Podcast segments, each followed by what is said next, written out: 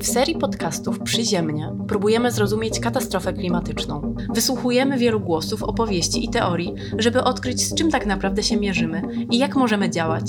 Nie musimy udowadniać, że zagrożenie jest prawdziwe. Wiemy, że katastrofa ma wiele wymiarów i dzieje się tu i teraz, a jej konsekwencje odczuwa wiele osób na całej planecie, również tutaj w Polsce. W Przyziemnie kompostujemy dotychczasowy dorobek myśli humanistycznej, by stworzyć żyzne podglebie, na którym rozkwitną nowe idee. Być może dzięki nim znajdziemy odpowiedź na pytanie, jak żyć w świecie, który nieodwracalnie się zmienia. Podcast nagrywają dla Was Bogna Stefańska i Kuba Debczyński. Projekt został zrealizowany w ramach rezydencji kuratorskiej w Centrum Sztuki Współczesnej Łaźnia w Gdańsku. Ilustrację dźwiękową i muzykę przygotowała Justyna Banaszczyk. W poprzednim odcinku podcastu zastanawialiśmy się nad tym, jak sposoby myślenia dominujące w ekonomii i gospodarce wiążą się z katastrofą klimatyczną. Z naszymi gośćmi rozmawialiśmy o tym, dlaczego zdrowy rozsądek jest szkodliwy oraz o odpowiedzialności międzynarodowych korporacji za planetarny kryzys środowiskowy. Dziś, w ostatnim już odcinku podcastu Przyziemnie, rozmawiamy o politycznym wymiarze katastrofy klimatycznej. Zastanawiamy się nad różnymi formami aktywizmu klimatycznego oraz do czego w tym kontekście mogą przydać się narzędzia artystyczne. Na początek ponownie spotykamy się z doktorem Tomaszem Markiewką, filozofem z Uniwersytetu Mikołaja Kopernika w Toruniu, który przekonuje, że najskuteczniejszą metodą działania na rzecz klimatu jest zaangażowanie obywatelskie na poziomie polityki państwowej i międzynarodowej, pomimo że patrząc na działania rządów w ostatnich latach, trudno jest nam pokładać w nich wielkie nadzieje.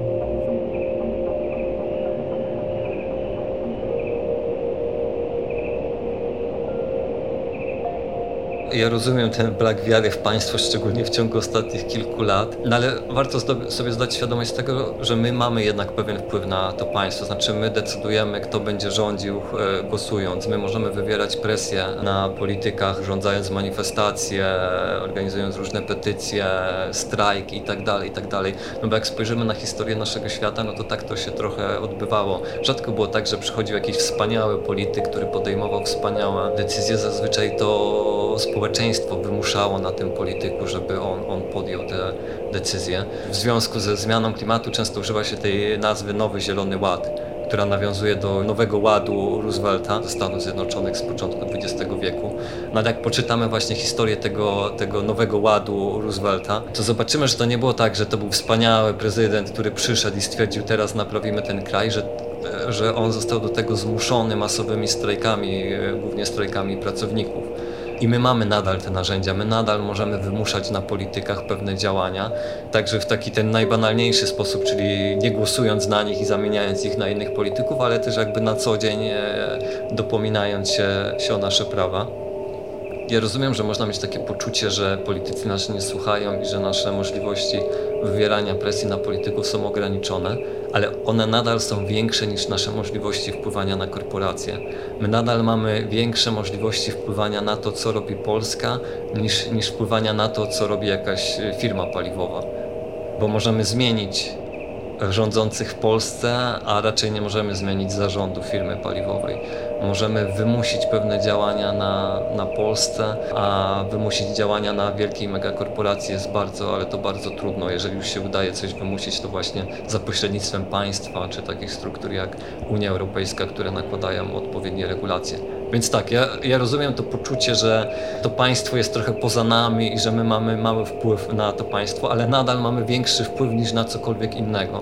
I nadal to jest najlepszy sposób zmieniania naszego świata. To jest ten moment, gdzie my jako obywatele i obywatelki powinniśmy jakby kontrować to lobby wielkich firm, bo to jest oczywiste, że one będą robiły wszystko, żeby ten nowy zielony ład był jak najbardziej przyjazny dla nich wielkie firmy potrzebują przeciwwagi, to my jako obywatele i obywatelki powinniśmy być tą przeciwwagą i my z kolei powinniśmy domagać się, żeby ten nowy zielony ład działał na naszą korzyść, a nie na korzyść tych wielkich firm. Jeżeli tej przeciwwagi nie będzie, to ja nie mam złudzeń, że nowy zielony ład Unii Europejskiej będzie dobrym rozwiązaniem, bo się okaże tak naprawdę, że to jest bardzo ładne na poziomie haseł, a w praktyce to jest tylko kamuflowanie o wiele głębszych problemów, które zostaną nierozwiązane. Więc jeżeli my jako obywatele, obywatelki się nie zaangażujemy, no to wtedy rzeczywiście nadzieja jest marna. Dlatego tak ważne jest, żeby wierzyć w swoją sprawczość, bo pewnie na rękę jest tym wielkim firmom, żebyśmy my uważali, że my nic nie możemy, że nie ma sensu, że państwo jest skorumpowane, że Unia Europejska jest skorumpowana i że my nic nie zrobimy. To jest bardzo wygodne rozwiązanie dla tych wielkich firm, bo my wtedy oddajemy całą tą walkę walkowerem, więc, więc ja zachęcam do tego, żeby wierzyć w swoją sprawczość i żeby wierzyć w to, że my możemy sprawić różnicę. Czyli powinniśmy nakłaniać różne grupy do działania, na przykład górników do tego, żeby walczyli o sprawiedliwą transformację gospodarki. Na przykład, albo ten młodzieżowy strajk klimatyczny, który jest doskonałym przykładem tego, jak można domagać się czy wywierać presję na, na polityków. No bo znowu część osób pyta, a co ta Greta Thunberg może? Nie jest specjalistką, nie jest ekspertką, nie pisze prawa. Wszystko co może to wyjść na ulicę i krzyczeć, ale to jest już właśnie bardzo wiele. Ja ciągle odwołuję się do naszej historii, bo moim zdaniem my trochę zapomnieliśmy, jak dokonywały się zmiany w naszej historii. A one właśnie dokonywały się w ten sposób, że wychodziła dostatecznie duża grupa ludzi na ulicę i wywierała presję na polityków. I to tacy ludzie jak Greta Thunberg zmieniali naszą rzeczywistość, a nie eksperci gdzieś zamknięci w gabinetach i podejmujący decyzje za, za plecami społeczeństwa. Bo jeżeli my zostawimy tych ekspertów w zamkniętych gabinetach, to do tych ekspertów przyjdą lobbyści wielkich firm paliwowych i będą wpływali na tych ekspertów. Więc dlatego tak ważne jest to, żeby ta symboliczna Greta Thunberg i żeby te miliony młodzieży, które za, za nią stoją, żeby oni przystanowili przeciwwagę dla lobby korporacyjnego. Polityka to jest ta sfera, gdzie my możemy zamienić naszą indywidualną energię czy naszą indywidualną motywację w jakąś zbiorową siłę. To jest, to jest często powtarzający się wątek we współczesnych naukach humanistycznych, że ludzie mają poczucie beznadziei, że nic od nas nie zależy, że ja nic nie mogę.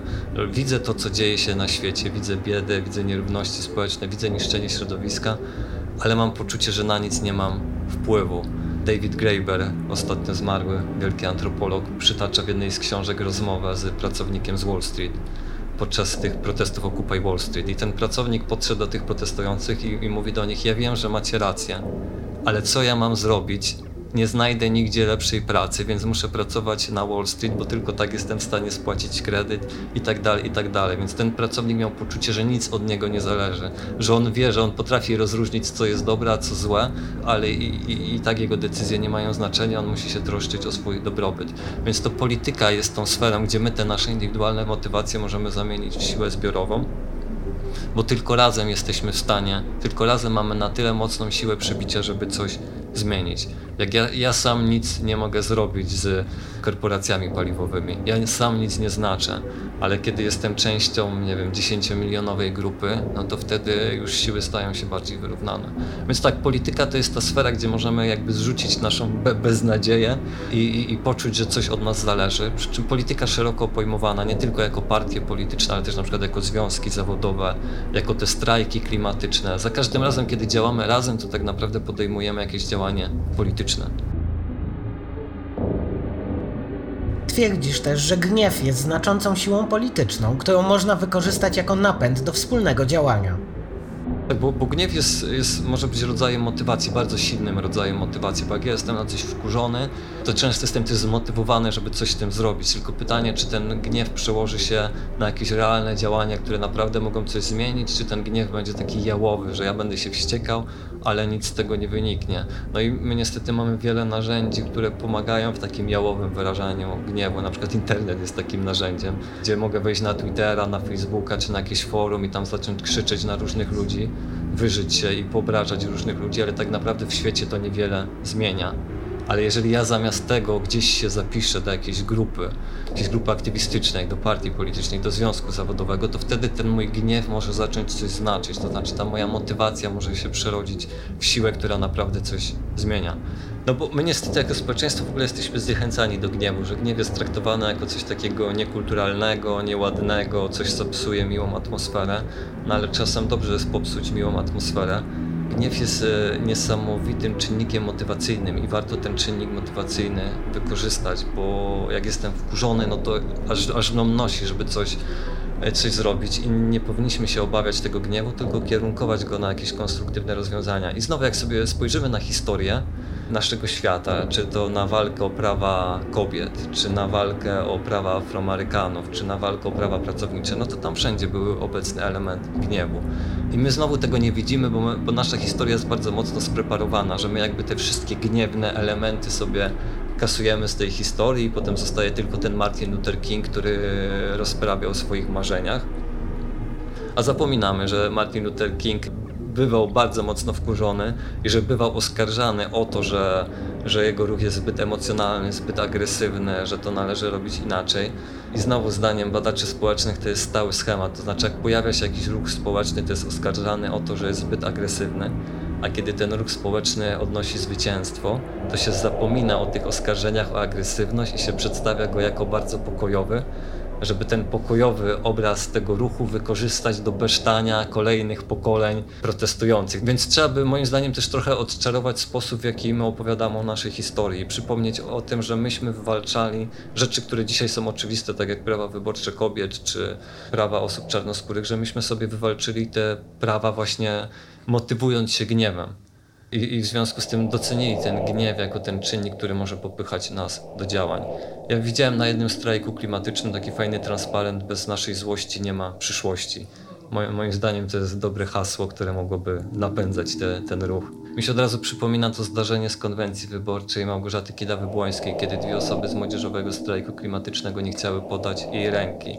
I wielkie oburzenie że to nie tak się robi, że to przecież trzeba być przyjaznym dla polityków. No mnie to śmieszy, bo to trochę tak wygląda, jakby politycy byli gotowi się zająć największym wyzwaniem naszych czasów dopiero wtedy, kiedy młodzi ludzie będą dla nich uprzejmi. Więc warto sobie przypominać, że to jednak myśmy nie naprawiali świata będąc grzecznym, miłym i uprzejmym, tylko naprawialiśmy ten świat napędzając się gniewem i, i będąc czasem bardzo nieuprzejmym. Bycie miłym to też jest komfort osób, którym wiedzie się całkiem dobrze w życiu, bo zazwyczaj jest tak, że jak nam jest w życiu całkiem nieźle, no to wtedy łatwo być miłym, uśmiechniętym i tak dalej. Jean-Paul Sartre mówił, że to właśnie najczęściej ludzie u władzy nawołują do tego, żebyśmy działali spokojnie i rozważnie. No ale osoby, które tej władzy nie mają, które walczą o swoje podstawowe prawa, nie mają tego komfortu, żeby być miłym i uprzejmym. Jeżeli ktoś musi uciekać z terenów, w których jego rodzina żyła od lat, bo te tereny nie nadają się dłużej do życia, no to taka osoba nie ma komfortu bycia miłym i taka osoba może być słusznie wkurzona. By poradzić sobie z wyzwaniami, jakie stawia przed nami katastrofa klimatyczna, musimy zaangażować się politycznie. Nie możemy liczyć na to, że bez nacisku z naszej strony rządy, rynki albo technologia po prostu rozwiążą ten problem. Jak pokazuje nam historia, dziś też potrzebujemy zbiorowych działań napędzanych wspólnymi emocjami. Nasze kolejne rozmówczynie praktykują w codziennych działaniach to, co postuluje Tomasz Markiewka. Zuzia Derlacz i Olga Roszkowska testowały swoje zaangażowanie aktywistyczne na wiele różnych sposobów. Brały udział w akcjach bezpośrednich i angażowały się w działania ruchów klimatycznych takich jak Extinction Rebellion czy inicjatywa Dzikie Karpaty. W spółdzielni Krzak, czyli miejskim ogrodzie prowadzonym na warszawskim Jazdowie, łączyły zaangażowanie obywatelskie z przyjaźnią, sztuką i eksperymentalnym ogrodnictwem. W Krzaku koncerty, performensy i wystawy rzeźby ogrodowej są równie ważne jak malowanie banerów na protesty klimatyczne, działalność edukacyjna i pielęgnowanie grządek. Zuzia i Olga obecnie angażują się w działalność grupy Zakole, interdyscyplinarnego kolektywu prowadzącego działania badawcze, aktywistyczne i artystyczne na warszawskich mokradłach. O Zakolu rozmawialiśmy w trzecim odcinku podcastu tak obserwowałam po sobie, że miałam naprawdę w pewnym momencie tak bardzo ostre wobec siebie i wobec innych też wymagania dotyczące właśnie, że jeśli się angażujesz w jakieś ekologiczne rzeczy, to kurde, musisz to wszystko robić tak, być takim przykładem po prostu. Czasami może jednak można sobie trochę dać na luz, jeśli się w to angażujesz i starasz się jakoś działać, czy to w jakieś takie działania bardziej edukacyjne, czy właśnie bardziej aktywistyczne, no to też ważne jest to, żeby po prostu w tym wszystkim się nie zajechać. Myślę, że to była nasza duża krzakowa lekcja i nadal na pewno jest to duża lekcja, żeby przestać wywierać na sobie jakąś taką wzajemną presję i oceniać ten e, poziom zaangażowania, bo te poziomy są różne, też możliwości różnych osób z różnych rzeczy wynikają i myślę, że tak jak na początku to było dla nas głęboko oburzające, że ktoś może nie iść na jakiś protest albo dlaczego my wszyscy się nie przykuwamy do jakichś maszyn, to teraz myślę, że mamy do tego zupełnie inne podejście i z tych jakichś takich wymagań, które właśnie wobec siebie nawzajem miałyśmy, myślę, że jednak staramy się przechodzić raczej w taką po prostu wzajemną opiekę i, i, i znajdywanie bardziej tych wspólnych obszarów, godząc się na to, że poza nimi po prostu możemy troszeczkę inaczej działać. No ja miałam taki moment bardzo mocnego zaangażowania się mm, tak w tak naprawdę w momencie, w którym w Polsce zaczęły się kształtować te ruchy klimatyczne, ja miałam poczucie, że po prostu na maksa trzeba coś zrobić. I zaangażowałam się mocno w strajk dla ziemi i też e, początkowo w Extinction Rebellion, mm, ale dosyć szybko się wypaliłam. Znaczy faktycznie byłam, nie wiem, przez pół roku działałam na najwyższych obrotach. Tam po prostu po jakimś czasie zdałam sobie sprawę, że chyba muszę wrócić do tych takich bardziej spokojniejszych, krzekowych działań, bo czułam się wypalona nie tylko, znaczy między innymi ze względu na jakby ilość jakiejś takiej pracy czy odpowiedzialności, ale też, też ze względu na to, że miałam poczucie małej skuteczności działań, trochę nie wiedziałam, jak się z tym skonfrontować, znaczy nie wiedziałam, co o tym myśleć, tak? Znaczy, jakie działania mają teraz sens. To może w ogóle już nie będę nic robić, będę grzebać w ziemi i w ogóle to wszystko zostawiam, tak? Też po prostu jakieś takie psychiczne um, wycieńczenie, ale Potem trochę bardziej moją uwagę przykuły takie oddolne właśnie kolektywy mm, agroaktywistyczne.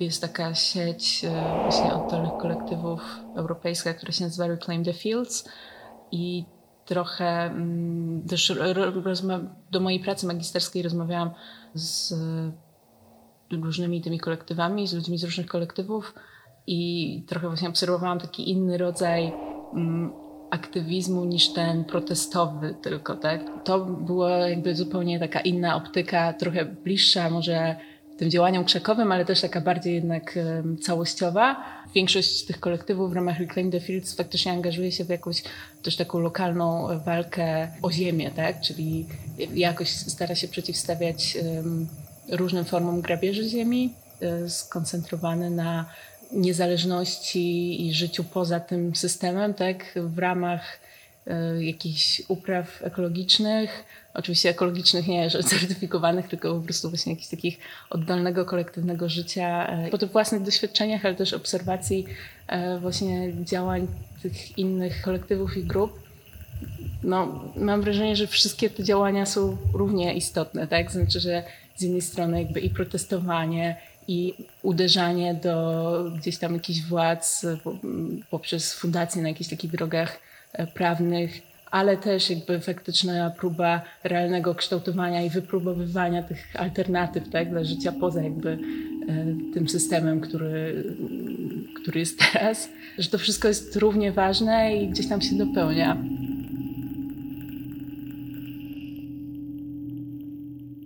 To, o czym mówisz, wydaje mi się bardzo ważne. Mierząc się z katastrofą klimatyczną, potrzebujemy otwierania naszej wyobraźni na różne formy wspólnego zaangażowania. Możemy pisać petycje i chodzić na demonstracje, ale możemy też eksperymentować z alternatywnymi sposobami kolektywnego działania. Był to też czas, kiedy, no nie wiem, właśnie był, były pierwsze obozy dla klimatu w Polsce. Ja też byłam na Ende Gelände i, i rzeczywiście jakoś stykałyśmy się wtedy z różnymi praktykami i też z działaniem bezpośrednim. To było, myślę, też takie bardzo budujące, bo dobrze jest czasem jednak zobaczyć tą skalę i dobrze jest czasem zobaczyć kilka tysięcy osób, które biegnie przez pole blokować kopalnię. To też daje, e, przynajmniej mnie to daje bardzo dużo siły. Natomiast w takim codziennym działaniu planowanie tego typu akcji to nie jest, e, nie jest chyba do końca to. I właśnie w tych ostatnich latach doszłam do tego, że najlepszą formą sprzeciwu jest po prostu robienie rzeczy inaczej i budowanie innych wspólnot, które są zupełnie z tego wyjęte i są i funkcjonują poza tym obszarem i i może dla mnie one po prostu też mają trochę bardziej pozytywny przekaz, bo ja też nie chcę żyć w wiecznym takim właśnie stanie wojny, ale bardzo wiele różnych praktyk jest w to włączonych i też różne praktyki właśnie takich wspólnot ekofeministycznych i, i, i w tym jakoś odnajduję po prostu to, czym na dłuższą metę chyba ja bym była w stanie też funkcjonować. Dla każdego po prostu jest gdzieś w tym wszystkim miejsce i to jest bardzo ważne, żeby nie myśleć, że albo muszę się przykuwać do maszyn, albo zupełnie tego nie robię. I my też myślę, że mając praktykę, która jest troszeczkę, troszeczkę inna, może właśnie nie jest,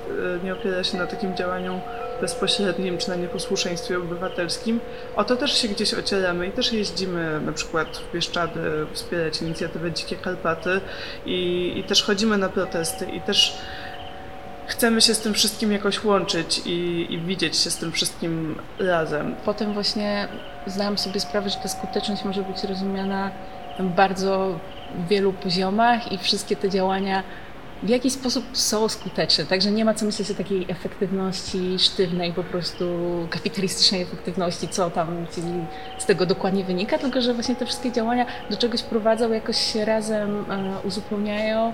Mam wrażenie, że ja potem z tymi różnymi informacjami, doświadczeniami wróciłam właśnie do krzaka jakichś takich działań, jakby z, z taką świadomością, że można naprawdę y, na różne sposoby działać.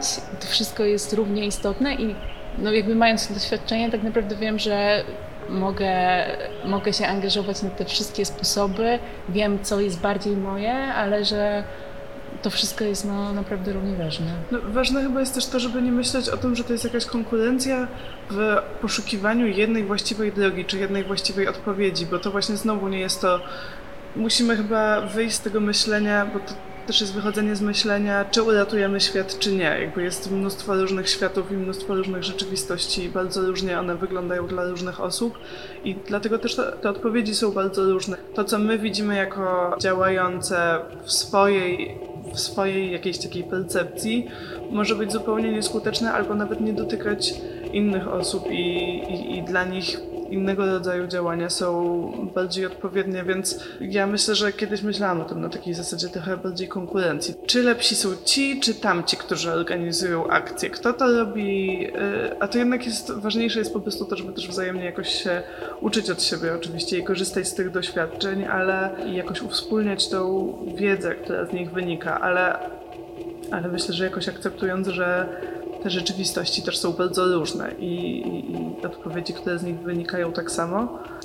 Ostatnio zdałyśmy sobie sprawę z tego, że krzak jest właśnie trochę takim polem do eksperymentowania po prostu z różnymi takimi praktykami i działaniami, które potem możemy wykorzystać przy różnych akcjach, tak, czy właśnie projektach, czy właśnie tudzież bardziej aktywistycznych um, działaniach. Także to jest coś takiego bardzo ważnego, żeby mieć takie mm, zarazem miejsce, ale też właśnie energię, jakąś grupę, mm, z którą można po prostu próbować działać na naprawdę różne sposoby, o których wcześniej może nie, nie myślałeś.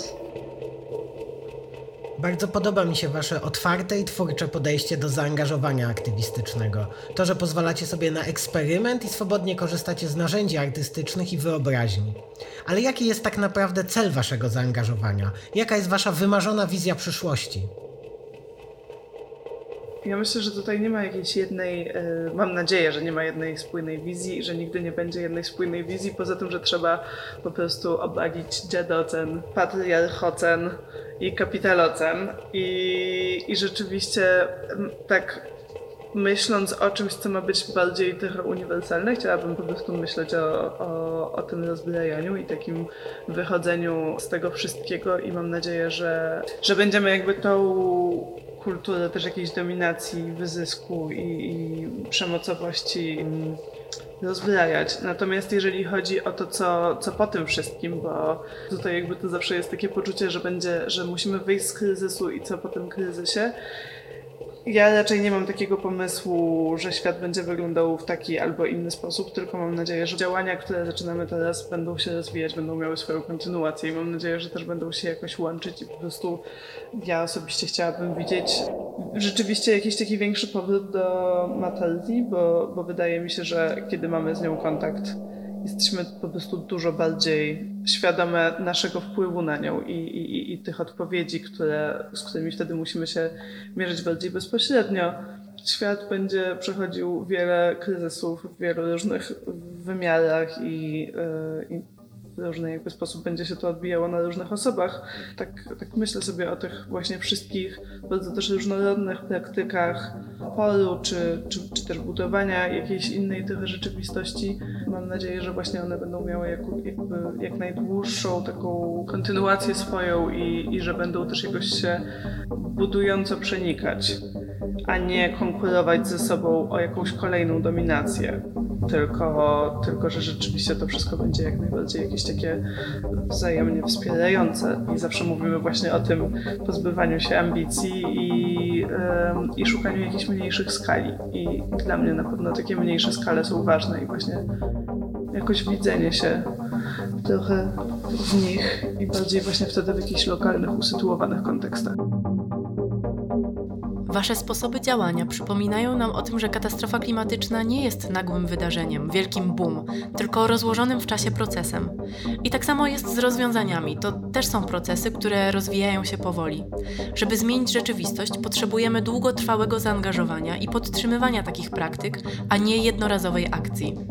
Tak. Katastrofa trwa, nie tak. I wiele jakby światów już się skończyło i wiele światów będzie się kończyć. I... E, pamiętam nawet właśnie taką rozmowę z jedną z dziewczyn z tych um, agroaktywistycznych kolektywów, która właśnie mówiła, że um, no tak, że ona trochę e, widzi tą swoją praktykę tak, że to nie jest takie po prostu, że protestujemy i trochę nie wiadomo do czego w tym wszystkim dążymy, że niby tam są jakieś postulaty, ale trochę nie wiadomo jak to wszystko ma wyglądać potem, także to nie jest jakieś e, takie taka wiara, że ktoś jakoś to tam urządzi, tylko właśnie bardziej praktykowanie faktycznie tego, jak to mogłoby wyglądać później, tak? Czyli, że jakby faktycznie taka pełna y, praktyka codzienna, gdzie działasz według takich zasad, które chciałbyś, żeby po prostu faktycznie, żeby według tych zasad y, funkcjonował świat, powiedzmy, społeczeństwo. Ale że też jakby właśnie w naszym takim myśleniu o tym, co się wydarzy i jak to wszystko się rozwinie, dla mnie jakoś jest pomocne, żeby myśleć o tym w taki sposób, że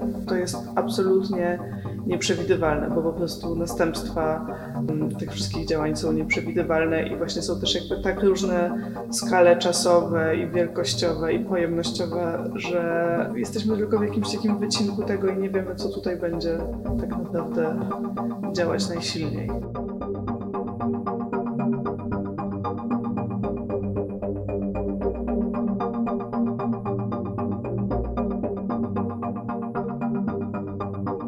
Już ostatni odcinek podcastu Przyziemnie. Razem przekopaliśmy się przez wiele tematów związanych z katastrofą klimatyczną. Przyjrzeliśmy się perspektywie indywidualnej i naszej jednostkowej odpowiedzialności. Zobaczyliśmy, jak katastrofa rozgrywa się w skali planetarnej.